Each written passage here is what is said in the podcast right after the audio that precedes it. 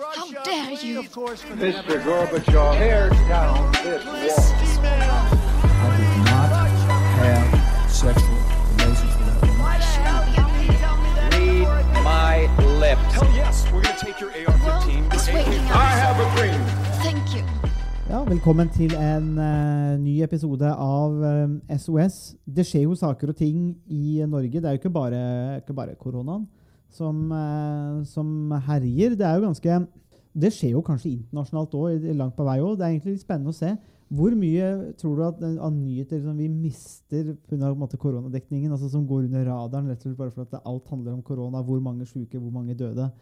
Det har vært interessant å se en sånn oversikt. Liksom bare, en- her er alle de viktige sakene du gikk glipp av. Alle, de glemte sakene som, eh, som aldri ble noen saker. ja. Ja, så det, det er jo interessant, men samtidig kan man kanskje si at det er egentlig ingen uh, glemte saker, fordi koronasituasjonen og koronasaken er, i seg selv er så stor at den må, må få plass.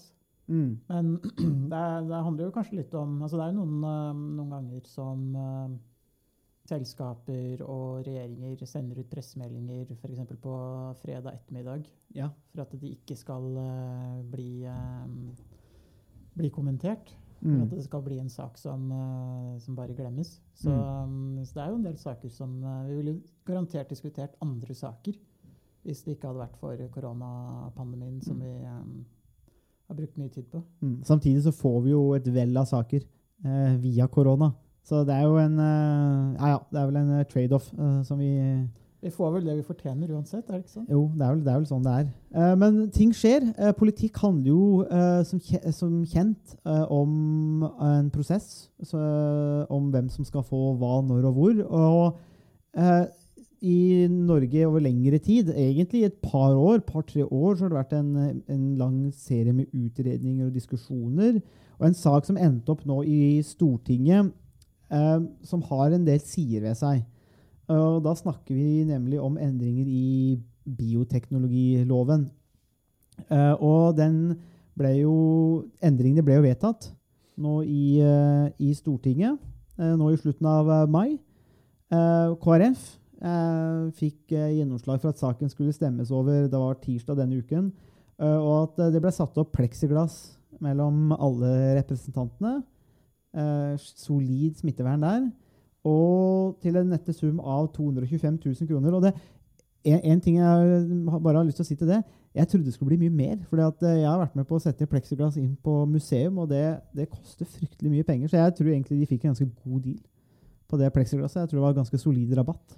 Ja, har hatt, Stortinget har vel hatt en ganske eh, bratt læringskurve når det gjelder kostnadskontroll etter, eh, etter at de skulle bygge garasje under Stortinget. Så Nå har de lært. nå har de, de har tatt konsekvensen av, eh, av at stortingsgarasjen ble så dyr. Eller kanskje de ikke hadde mer penger igjen etter at stortingsgarasjen ble Det kan, jo, det kan jo hende. De bygde den i pleksiglass òg. Men det er eh, en, altså, bioteknologiloven Jeg vet ikke hvor mye vi nødvendigvis skal snakke om det. Altså, det som skjedde, var jo at Frp, Arbeiderpartiet og Sosialistisk Venstreparti blei enige om endringer og fikk et flertall. Eh, eggdonasjon skal bli tillatt. Assi, assistert befruktning skal bli tillatt for enslige. Tidlig ultralyd eh, åpnes det for. Blodprøver for å, som gjør det mulig å avlese mulig kromosonfeil ganske tidlig i svangerskapet. Ehm, I dette som kalles da for bioteknologiforliket. Men det som er det, som er interessant her, er at det, dette, dette er jo policy, altså dette er jo utfallene av det forliket. Men det som er interessant her, er jo prosessen eh, som, vi, som vi står i. Jeg ikke, eh, og Det er jo fordi Ropstad og KrF har jo latt det gå, gå prestisje i saken. De ville ha en full stortingssal når vedtaket skulle opp i Stortinget, i håp om å vippe eh, representanter fra andre partier over på sin linje, som var nei til disse endringene. Og vi må også ha med her konteksten eller sammenhengen, den historiske sammenhengen, hvordan eh, eh, bioteknologiloven og vetoretten var sentral i kampen om ledervervene i KrF, som endte med at Hareide gikk av, eh, og at KrF gikk inn i regjering. Men bare sånn policy-messig, Harald, eh, endringene i bioteknologiloven eh, Nå jeg ikke, har jeg ikke spurt deg om hvor eh, inne du er i det, men sånn rent konkret politisk, er det er det, er det der de store på en måte, Er det der konflikten ligger, eller er det der de politiske bølgene kommer, eller er det prosessen? Så hvis, vi, hvis vi starter bare med liksom det konkrete med eggdonasjon, eller altså kanskje mer liberal bioteknologilov, da, hvis vi kan si det på Ja, litt sånn altså- forenkla? Det, det spørs jo hvem du spør. Hvis du spør uh, KrF, så vil jo de si at det er selve politikken som, uh, som er det mm, katastrofale. Altså selve, mm, selve resultatet eh, av de endringene som Stortinget har, har vedtatt. Og um, Kjell Ingolf Ropstad er jo sitert på at han er eh, mest skuffet eh, på vegne av det hva slags samfunn eh, dette vil skape i Norge. Mm. Og det er klart det vil få noen antagelig noen konkrete endringer. Det vil kunne innebære at det blir født færre med Downs syndrom. Det som er interessant, er jo også at de endringene er ikke nødvendigvis noe sånn helt ekstreme. Så det vil innebære at vi kommer mer på linje med, med de reguleringene og det tilbudet som man finner i andre skandinaviske land. Så sånn sett så, um, så, er, så trenger det ikke nødvendigvis innebære en veldig dramatisk uh, endring. Det her er endringer som man finner i, uh, i andre land uh, allerede, som har vært, um, Mm. vært vedtatt i andre land eh, i, um, i en god stund. Men eh, til det du nevner eh, du, nev du siterer jo her eh, Ropstad. Det der med at han er ikke skuffa på vegne av seg sjøl, men pga. samfunnet. eh, det er jo ganske bombastisk og egentlig sånn dramatisk påstand òg. Ja, det er Eller det. uttalelse. Ja, det, det er det. Og det, det, det sier jo litt om hvor mye som står på spill for uh, KrF i den saken her. Og du var jo inne på opptakten til regjeringsforhandlingene og til at KrF endte opp i regjering. Eh, og um, der var jo nettopp de endringene eh, viktige spørsmål. Og i politikken, så, spesielt de siste ti årene kanskje, så har jo verdispørsmål i større grad blitt en politisk eh, skillelinje. Tidligere så var den klare politiske skillelinjen eh, den økonomiske politikken. Eh, arbeid versus kapital, for å si det litt enkelt. Mm. Eh, de siste ti årene så har eh, miljøspørsmål og ulike verdispørsmål eh, fått en større rolle. Spiller en større rolle i, i politikken. Og det, der spiller jo KrF en, en viktig rolle, og har egentlig spilt en, en viktig rolle i hele sin partihistorie. Mm, Ja, for de har jo gjort det klart at det her handler om en verdidebatt. Menneskesyn. Det er jo på en måte hva skal si, KrFs størst, viktigste kort. Trumfkort det er vel kanskje det beste, beste politiske kortet måte de føler at de har. Det med menneskesyn og likeverd, og at man skal unngå seleksjonssamfunn og mer basert på sitt livssyn. da. Altså Verdiene er viktige, da. Ja, og de, de er et, eh, et verdiparti, og i mye større grad enn kanskje mange andre kristendemokratiske partier i, eh, ellers i, eh, i Europa. Mm. Men eh, prosessen eh, ellers, er det, er det andre interessante ting å ta tak i, eh, tenker du, rundt, eh, rundt bioteknologiloven? Den, den dekker jo måte det som er av medier akkurat nå. Så hva, hva er det på en måte som er mer interessant annet enn altså KrF går, går jo på et solid tap, og det er jo spennende å måte se hva det her gjør med, med regjeringa.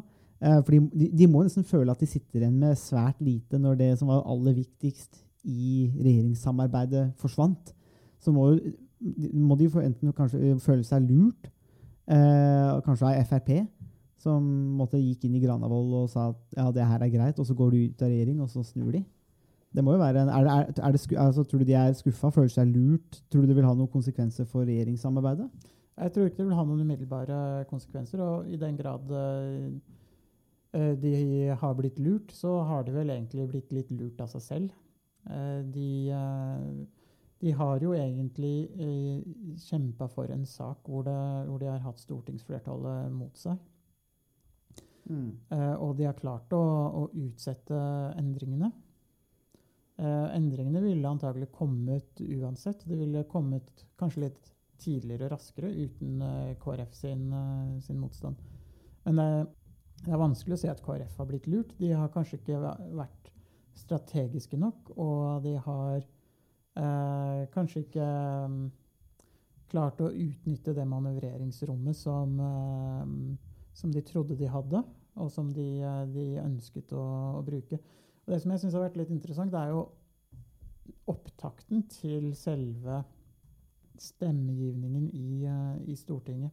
Mm. Eh, hvordan KrF begynte å snakke om samvittighet, at dette var et verdispørsmål, samvittighetsspørsmål osv. At de på en måte forsøkte å, å ta over den diskursen på at dette var et, eh, et verdispørsmål hvor de var de gode og snille, hvor de andre var, var de slemme. Mm. Uh, og akkurat den strategien hadde jo ganske um, den, den, den, eh, Det var jo en strategi som som ikke fungerte så veldig godt, rett og slett fordi da kom motstanderne på, på banen eh, i mye større grad og fikk, defin fikk sagt hvordan de så på det, det samme spørsmålet, men med, altså, hvordan man kunne gjøre det om til et verdispørsmål på en annen måte. Mm. Eh, og da, da ble det jo en del frem og tilbake, og en del diskusjon om hva som var et verdispørsmål, og hvordan, hvordan man skulle Hva som var et samvittighetsspørsmål. Og hvordan man skulle følge sin samvittighet eller, eh, eller ikke, hva det ville innebære. Mm. Og, da, og det var jo egentlig, sånn sett så falt de jo egentlig for sitt eget grep ved at de eh, forsøkte å, å kjøre veldig eh, hardt på akkurat det aspektet med å gjøre det om til et samvittighetsspørsmål. Mm. Og da fikk ikke egentlig motstanderne noen, eh, noen gratis eh, eh, noen gratis eh, poeng. Mm. Jeg syns det er interessant, og det er med dette, dette med verdier her som blir veldig interessant, tenker jeg. Det der større, fordi Ropstad legger jo opp til her at den saken her handler om altså Han er ikke skuffa på vegne av seg selv, men han er på en måte skuffa over en, måte en større helhet og samfunn og folk. Og, og som du sier, da, ved å gjøre det til et samvittighetsspørsmål og verdi, så løftes det på en måte Altså eh, eh, Risikoen blir jo større, og han løfter jo på en måte Fallet blir jo større når man gjør det på den måten, og kanskje har lurt seg sjøl. Men det der med verdidebatten syns jeg er interessant. Eh, fordi at uh, prøver et, man prøver å selge et budskap her om at kanskje vi blir et kaldere samfunn. Et uh, mer kynisk samfunn, mer kalkulerende samfunn. Det er jo kanskje subteksten her til den saken her. Uh, at hvis, ikke, hvis vi innfører disse endringene, så er det her det, det er, måte, hit Norge er på vei. Og da tenkte jeg at det kan jo være interessant kanskje for oss som er her i dag i podkastrommet, fordi at eh, etter forrige episode Harald, så ble vi fortsatt vi, vi ble jo værende på Marias hjørne. Eh, for det var jo mye interessant å prate om. Eh, og Marie har jo ytre ønske om å snakke om eh, bioteknologiloven. Og det er klart du Nå er vi veldig spente. nå er, nå er og du Ja, ja. Det, nå har du sittet og hørt på litt. Du er kanskje ikke helt varma opp, så du får en ganske sånn tøff inngang her. Eh, men det som har jeg har lyst til å starte med før vi snakker om noe annet, er på en måte det med verdiene. Altså Blir vi måte et kaldere samfunn, et mer kynisk samfunn? For jeg tenker, da kan vi ta en sånn round table, men da kan vi starte hos, eh, hos Maria, hvis du er, eh, har noe å si til det. Hva, måte den, og da tenker jeg nettopp det. Ropstad KrF som gjør det her til en sånn Det handler om verdier, det handler om mer ting. Og at konsekvensen er kaldere, mer kynisk, kalkulerende samfunn eh, med bakgrunn i endringene i bioteknologiloven. Da. Så hva Ja. tenker du om det? Uh, nei, er vel det korte svaret. Men eh, det å la kvinner få ta informerte valg, for da snakker vi kun om det her som Ropstad liker å kalle sorteringssamfunn, Mm. det er å gi eh, informasjon som gjør at eh, gravide par kan ta informerte valg. Hvis det er å lage et kaldt samfunn, nei. For da må du også overføre det i OK, vi stopper respiratoren på bestefaren din for det er ikke liv laga her. Er det et kaldt samfunn? Nei, det er et informert valg. Altså, vi kan ikke Men det her er jo et politisk parti som baserer seg på en bok som ingen har møtt forfatteren til. Ikke sant? Eh, som liker å Hot take. å- Ja, men altså Driv med religion, kjempefint. Vær så snill å la være med det når du skal bestemme om kroppen min eller kroppen til andre damer. eller noe sånt. Nå. legger religionen litt på hylla da, og så bruker vi fakta. Å, eh, legge opp til informerte valg har ingenting med eh, verken verdier eller kaldt eller varmt samfunn å gjøre. Informasjon og fakta har ikke noe med, med kaldt og varmt samfunn å gjøre. Og jeg, jeg blir litt annoyed, men ikke særlig sjokkert over at det er retorikken Ropstad eh, legger seg på. Fordi at når han ikke sjøl har fakta å dra i debatten, da bruker han følelser. Og så fort en politiker begynner å bruke følelser i debattene, så har de egentlig tapt. Men er det mulig å unngå følelser? Jeg tenker på i, eh, i, i, en, I en sånn type diskusjon og debatt som handler om, om menneskeliv, da, Ja. eh, er det mulig å på en måte unngå følelser i den debatten? eh, og i argumentasjonen? Fordi jeg vil jo kanskje si at eh, vi er jo ikke totalt rasjonelle dyr eh, som kalkulerer og gjør de mest rasjonelle valgene. Da hadde vi jo vært, eh, da hadde jo vært gode republikanske demokrater, sånn som vi snakka om i forrige episode. Da hadde vi ikke hatt eh, kongehus og mye annet rart. Så vi, vi gjør jo mye irrasjonelle valg og, og, og, og ting basert på, fornuft, altså for følelser. da. Og så prøver vi å rasjonalisere det i ettertid. Så jeg bare lurer på, er det mulig å i den debatten her, A, er det mulig å faktisk fjerne følelser? Og B, er det ønskelig å ikke ha følelser i en sånn type debatt? A.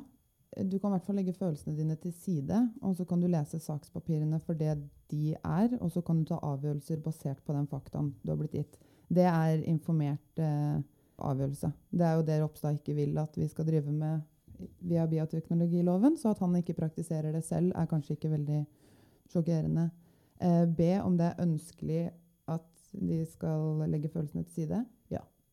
Fordi at eh, Hvis ikke, så er det jo helt greit å ta følelser basert på dagsform. Eh, nei, ta valg basert på dagsform. Jeg vil ikke ha politikere og ledere av landet som baserer avgjørelsene sine på dagsformen og følelsene de sitter inne med. Det er ikke derfor de er valgt inn. De er valgt inn fordi de forstår politiske prosesser, fordi de klarer å lese sakspapirer og ta gode beslutninger basert på den informasjonen de blir gitt. Politikere, Ropstad er jo ikke helsefagutdanna. Han, han skal ikke sitte med konsekvensen av de avgjørelsene han sitter og stemmer over. Han Han skal bare ta de. Det er jobben hans er på daglig basis å ta avgjørelser. Da forventer jeg at den personen klarer å ta de basert på fakta og legge følelser til side. Ja, Harald? Jeg syns det er veldig interessant eh, at du argumenterte så, så varmt for at mennesket ikke er rasjonelt, ikke er uh, i stand til alltid å, å på en måte bruke fornuften. Jeg sa ikke at det var alltid sånn. Jeg sa at det var i, i ny og ne. Ja, da er vi tross alt i Østfold, hvor Vi er, vi er tross alt i Østfold. Jeg blir påvirka. Nei, altså for de som måtte ha hørt på podkasten, så vil jeg bare oppklare her. Da kommer det fake news fra Mr. Borgerbund. Eh, eh, men men jeg, jeg, jeg tror jeg har nevnt det før via Rousseau, som, skriver, eh, som også påpekte at eh, mennesker på en måte er Vi er mer irrasjonelle enn det vi liker å tro. Vi baserer mye mer på em emosjoner og følelser, og så rasjonaliserer vi de i ettertid. Jeg, jeg tenker, ja, det er det som, som egentlig er problematisk, fordi um, det, det er ikke noe tvil om at vi er emosjonelle vesener i, eh, i veldig stor grad. Og det er jo noe som politikere veldig ofte utnytter. Mm. Og ikke minst de politikerne som, um, som er populister, uh, og som, uh, som forsøker å overtale folket og skape bilder av seg selv som en slags folkehelt. Men som kanskje ofte er mer uh, folkeforførere enn uh, en noe annet. Så akkurat Mm. den, den rollen som følelser skal uh, spille i politikken, er ganske omstridt. Mm. Eh, og det er vanskelig for oss eh, som, eh, som mennesker å ikke eh, appellere til verken våre egne følelser eller andres følelser. Eh, men eh, samtidig så Fordi det er, så veldig, det er så menneskelig å gjøre det, men samtidig så er det ganske problematisk, og spesielt eh, kan det være problematisk i mange saker i moderne demokratier, fordi sånn som bioteknologiloven og mange andre lover, eh, så er de veldig tekniske. eh, Og man må ha et veldig godt grep om det faglige og eh, om implikasjoner og konsekvenser eh, som, eh, som lovgivningen vil, vil få. Mm. Eh, og spørsmålet da er jo rett og slett om Og det går jo litt tilbake til spørsmål vi har diskutert tidligere, og i hvilken grad er demokratiet i stand til å ta de beslutningene som, eh, som skal gjøres i et eh, moderne samfunn. For hvis Mm. man gjør den type spørsmål som eh, bioteknologiloven og mange andre lover også, om til eh, til spørsmål om samvittighet eh, og til følelser og verdier, så er det også en, eh, en veldig klar overforenkling av de, eh, de sakene. Det kan, er jo også noe som Det er en strategi som kan brukes i mange andre saker også. Mm. Eh, og det har blitt gjort en del forskning på hvordan vi som mennesker tar beslutninger. Og det som, som man ofte ser, er jo at mennesker har en tendens til å eh, overforenkle problemstillinger. Eh, Så Mm. vi eh, istedenfor å se på eh, detaljene eh, i en sak, så vil vi kanskje overforenkle det til et enklere spørsmål. Mm. Så istedenfor å se på hva er detaljene i eh, forslaget til endring i bioteknologiloven, så gjør man det heller om til et eh, samvittighetsspørsmål som er mye enklere å ta stilling til, fordi da er det ja eller nei eh, på en mye enklere, enklere måte, istedenfor å se på eh, argumentene for og imot eh, som, eh, som gjelder de konkrete eh, forslagene.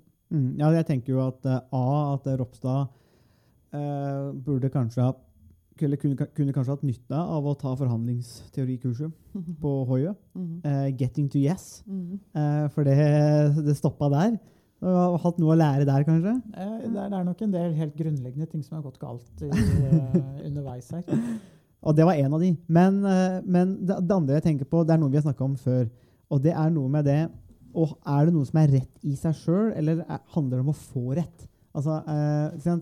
Og det er det som er interessant tenker jeg, når det kommer til sånn bioteknologilov. Altså, er, er endringene, f.eks. Altså, er, er det endringene eller å måtte eh, kansellere eller ha veto mot endringer? Er det rett i seg sjøl, eller handler det egentlig bare om å få rett? Slik at det blir rett. Eh, det, det tenker jeg er litt sånn vanskelig i en sånn de debatt, hvis du skjønner sånn Hva er egentlig fakta i en sånn debatt når det handler om foster og egg? Det er, det er veldig vanskelig å vite hva, hva er det som egentlig er rett. Og handler det da, når det er så vanskelig, om å egentlig bare om å få rett? Ja, så Først og fremst så handler jo politikk om å få rett. Det er det den politiske kampen eh, mellom de ulike partiene handler om. Men, men, men, men, men da er spørsmålet Men prøver da, prøvde da Ropstad å si at nei, vi må stemme imot det her fordi det er rett? Er det mulig for meg, er det mulig å si at han prøvde å appellere til at nei, vi må stemme mot biotek fordi det er rett i seg sjøl? Og så endte han opp med å ikke få rett av eh, Stortinget, da. Ja, altså Hvis det- du skjønner, den er litt komplisert. Jeg Ja, jeg, jeg- skjønner hva du mener. Uh, Men problemet her er jo hvis, hvis du spør Arbeiderpartiet, som stemte for, da. De vil jo også si at de endringene som ble vedtatt, var riktige i seg selv. mm. Så der spørs det hvem du, hvem du spør, og hvem som har rett. Det, det må jo på en måte hver enkelt eh, av oss eh, avgjøre.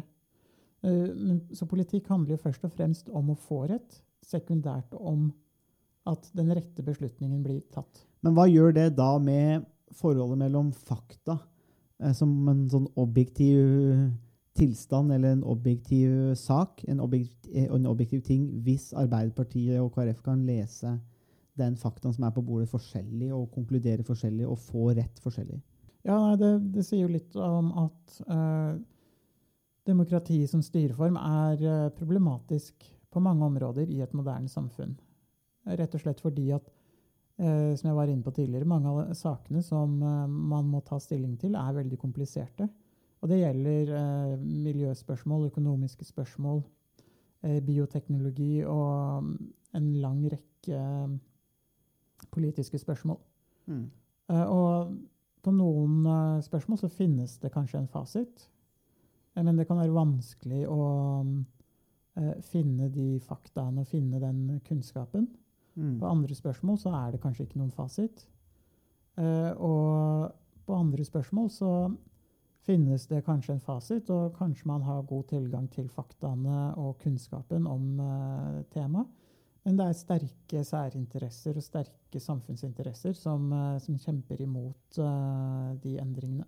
Mm. Og KrF er jo et eksempel på en, eh, en interessegruppe, uh, en del av samfunnet, som uh, kjemper imot den type endringer. Mm. Og det, det er jo helt legitimt å, å kjempe imot. i og for seg. Men de utgjør en liten, eh, liten del av befolkningen. Mm. Eh, dessverre for KrF. Men de trodde de kunne klare å få med seg et, eh, et flertall. Mm. Og det så jo lenge ut til at de hadde et flertall, Mm. helt til de eh, egentlig overspilte. Mm. eh, og um, klarte å miste flertallet helt eh, på, mot slutten. Mm. Det er jo litt sånn jeg tenker tilbake den, til den prosessen. Eh, men nå, er vi tilbake til den kamp, interne kampen i KrF og framover, òg, og hvordan den saken og de endringene her ble holdt opp som et slags forhandlingskort eh, for å gå i regjering og sånne ting. Og det som jeg reagerte litt på da, og som er i hvert fall en interessant diskusjon, det her, det her påvirker jo menneskers altså liv veldig direkte. Det handler ikke om skatter, hvor man blir en sånn halvveis triviell sosial egentlig del på en måte om du får skattelette på 100 kroner eller ikke. Det er på en måte irrelevant. Mens de- endringene her går inn på menneskers liv. Jeg husker jeg reagerte litt på, i hvert fall i den debatten, jeg husker, tenker tilbake, hvordan det på en måte ble et sånn, bare sånn forhandlingskort.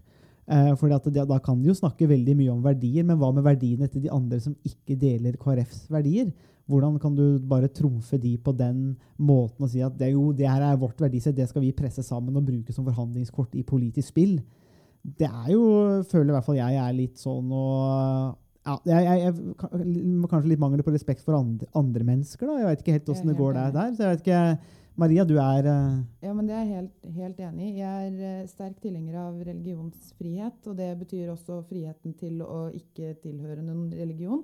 Eh, og jeg har også vært veldig opptatt av at stat og kirke skal være separert. Og da kan vi ikke ta valg som påvirker andre mennesker basert på tro, livssyn eh, og religion. Det er derfor jeg mener politikere må forholde seg til fakta, ta informerte valg. Og i tillegg når eh, Ropstad, mannen som tidligere har sagt 'klarer du én, så klarer du to' om tvillingabort. Eh, når han går ut og kaller motstanderne sine og de, de som er uenige med han, at de støtter da et kaldt samfunn, da sier han vel også litt indirekte at de eh, personene som kommer til å benytte seg av denne sorteringa, som han kaller det, eller informerte valg, som jeg liker å si, da kaller han vel også dem indirekte litt kalde. Altså det er, det er 2020. Jeg hadde håpa at også KrF kunne ha oppdatert retorikken sin til at den hørte hjemme i det samfunnet som vi vil ha nå. Hvor vi ikke legger tabu på kvinner som går gjennom vanskelige situasjoner. Det er vel ingen dame i verden som har lyst til å havne i en sånn situasjon hvor det her i det hele tatt er aktuelt. Og det, og det, det tror jeg Ropstad også skjønner. Så hvorfor han velger å bruke en sånn retorikk som er tyngende på folk, det skjønner ikke jeg. Jeg tror det handler om at han henvender seg til eh, kjernevelgerne til, til KrF, eh, og ikke til eh, de som, eh, som er uenig eh, med Ropstad. Men Ikke det å, å legge skam på andre mennesker, er du da eh, oppe på en moralsk topp, hvis du holder på med det? Fordi Ropstad fremstiller seg og sine som om de er de som er utstyrt med best moral, og de som bryr seg mest om andre. Men det er jo de som legger mest skam over på andre mennesker. Så egentlig så motsier han seg sjøl ved å bruke den retorikken han bruker.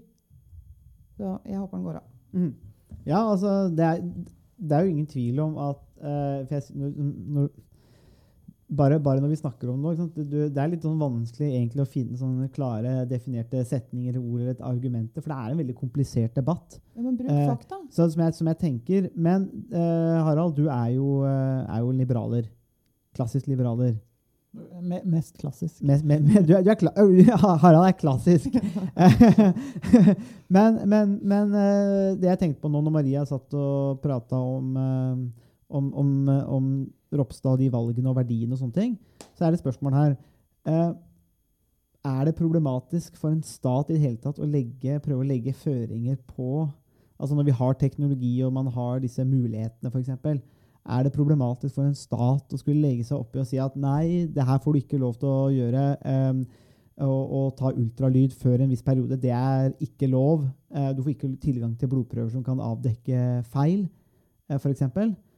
Det sier de som stat, det får du ikke lov til å gjøre. Det er klart Staten legger jo mange føringer. Du får bare lov til å kjøre på 110 eh, sånn cirka på E6. Ikke Eh, men staten legger en del føringer, og det er jo, er jo greit. Det, det må de jo gjøre. Men når det kommer til sånne typer spørsmål, Eh, Hva, hva tenker du om sånn For det er jo en viktig statsvitenskapelig diskusjon.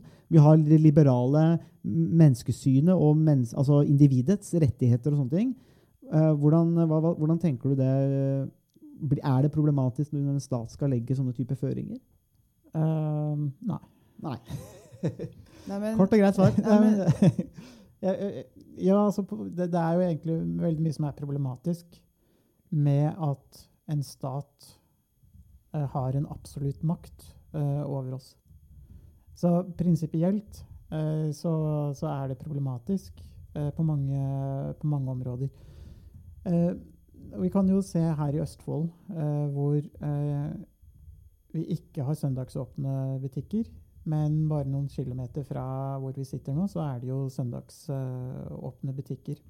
Så staten legger seg veldig sterkt opp i eh, hvordan vi lever. Mm. Og prinsipielt sett så er det veldig problematisk.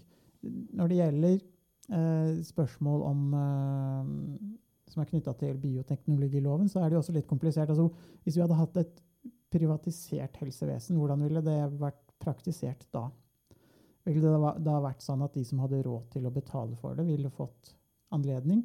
Mm. Eh, ville det vært avhengig av hva slags forsikringsselskap du, eh, du hadde? Så, så det her er veldig jeg syns det her er veldig vanskelig når det gjelder spørsmål som er knytta til, eh, til helse. Eh, fordi ja, prinsipielt så er det, er det jo problematisk at staten har den kontrollen og styrer over oss. Samtidig så ønsker jo de aller fleste i Norge et offentlig helsevesen. Eh, og da er det et spørsmål om hvordan man skal bruke de ressursene. eh, Hvordan, hva man skal prioritere. Og det har- var jo Bengt eh, Høie ute i media og sa noe om også. Så kostnadene knytta til noen av de, de vedtakene som Stortinget har, har fatta nå. Mm.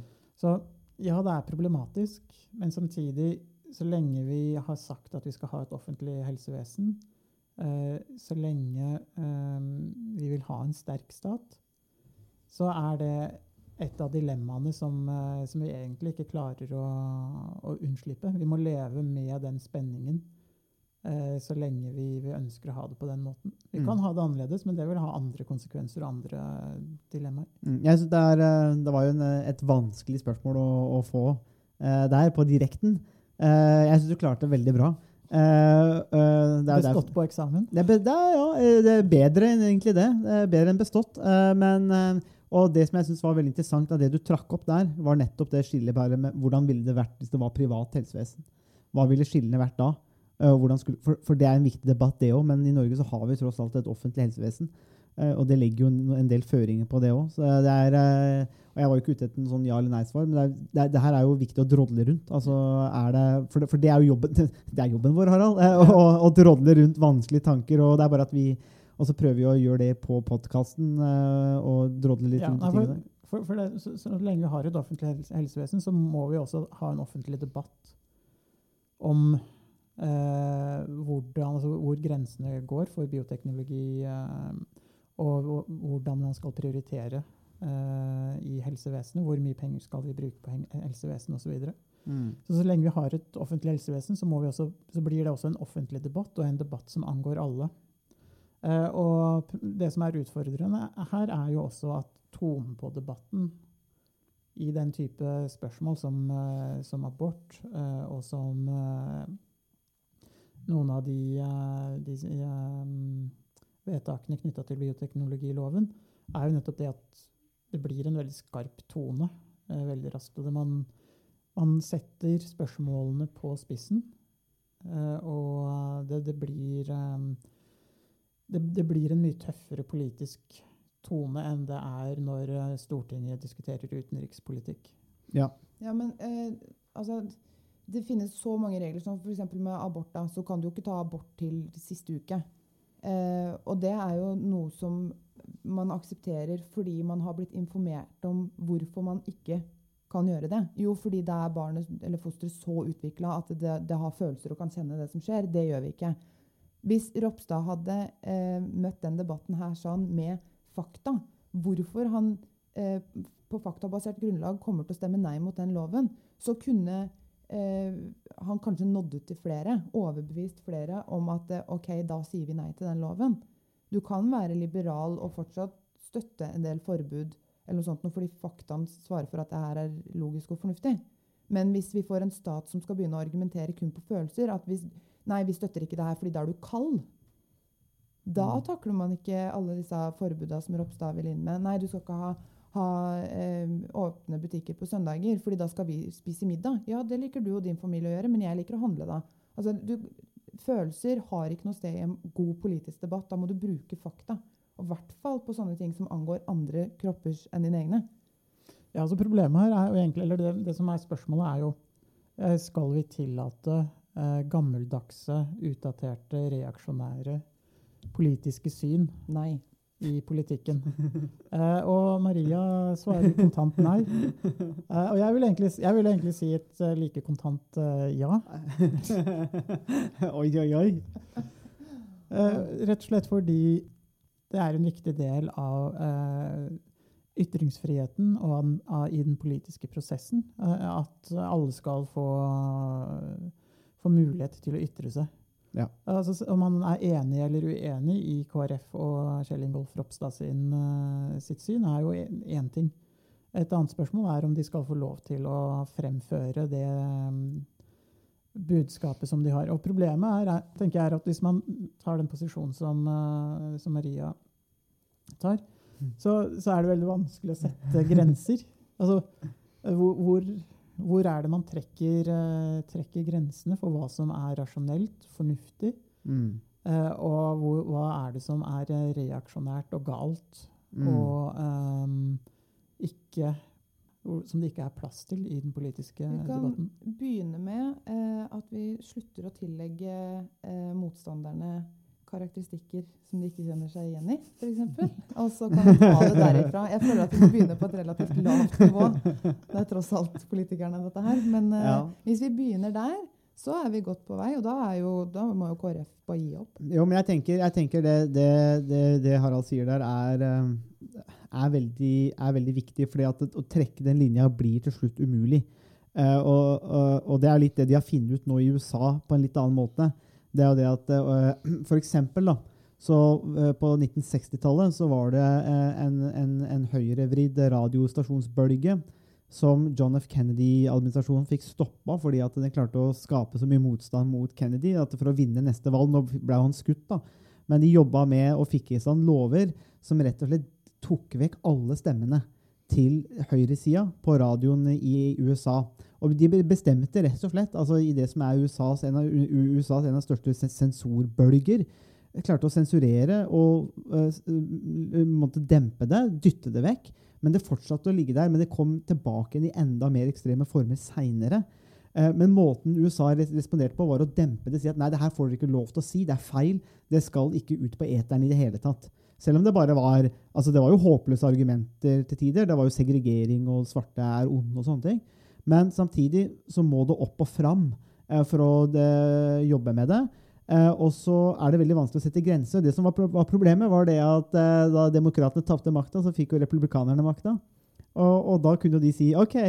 Men, eh, og det gjorde de. Så begynte de å komme med lover som gikk etter såkalt liberale eh, radiostasjoner. For de hadde et budskap som gikk mot republikanerne. Og da hadde man en, sånn, en, en ting gående i det amerikanske samfunnet som, eh, som var veldig, veldig dum eh, og veldig ødeleggende, fordi at det ødela spillereglene. Eh, og, og det er jo det som f.eks. libertarianerne i USA er veldig opptatt av, at spillereglene må opprettholdes, men de er ødelagt. De ødelegger særlig nå av Trump. Så jeg tenker jo at det må være en plass for Ropstad, de argumentene, og KrF, og de må prøve å gjennomføre det i Stortinget. Det som er viktig, er at når han da taper, eller vinner i andre saker, så følger spillereglene, institusjonene, og så går på en måte politikken videre. Det er det aller viktigste. Det er rom for å uttrykke det, men så må vi gå videre, eh, sånn som debatten har blitt. Og da kan vi eh, kanskje gå inn på helt på slutten her. Noe av det som kanskje er litt problematisk, og det er at KrF-lederen Ropstad sa at han kom ikke til å jobbe for at dette skal innføres så raskt som Stortinget ønsker. Og det er jo litt et problem, egentlig, fordi Stortinget, all makt i denne sal, har Altså, det- sagt det er- ja, at sånn er det. Det er jo et, ikke bare et lite problem, det er et stort uh, problem, egentlig. Mm. Uh, for um, ting er å, å tape eller vinne. Eh, som, eh, som minister så må Ropstad eh, og de andre i regjeringen eh, jobbe med å innføre de vedtakene som, som Stortinget fatter. Så Jeg får bare, bare høre på det her. Altså, til NRK så sier Ropstad har ikke noe ønske om at dette skulle bli vedtatt. Jeg frykter alvorlige konsekvenser. Jeg frykter for dem som virkelig trenger helsehjelp, hvis vi skal prioritere ressurser vekk fra disse. Derfor kommer jeg ikke til å jobbe for å innføre endringene så raskt som Stortinget har sagt.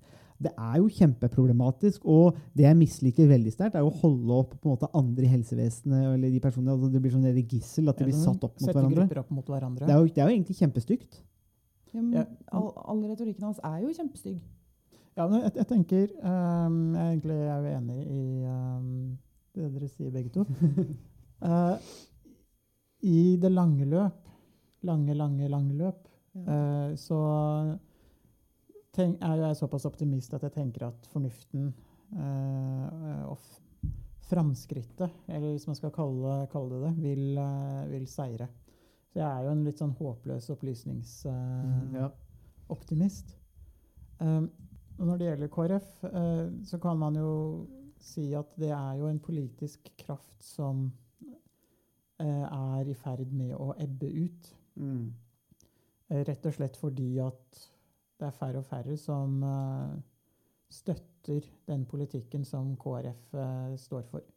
Men Jeg tenker uansett, ba- bare sånn avslutningsvis Du kan jo sende ordet rundt igjen, men jeg tenker jo at eh, eh, debatter er jo enige. Det er jo vanskelig å argumentere mot Marias poeng om at fakta og på en måte de tingene bør ligge til grunn.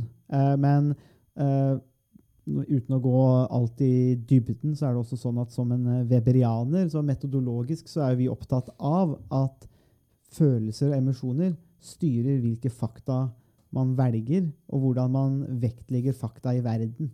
Eh, og hvordan det påvirker valg, slik at det fins ikke noe som er direkte rett i seg sjøl, men det er noe man tillegger vekt. KrF har tillagt noe vekt i debatten, som sikkert er noe av det riktige. Andre partier vektlegger noe annet.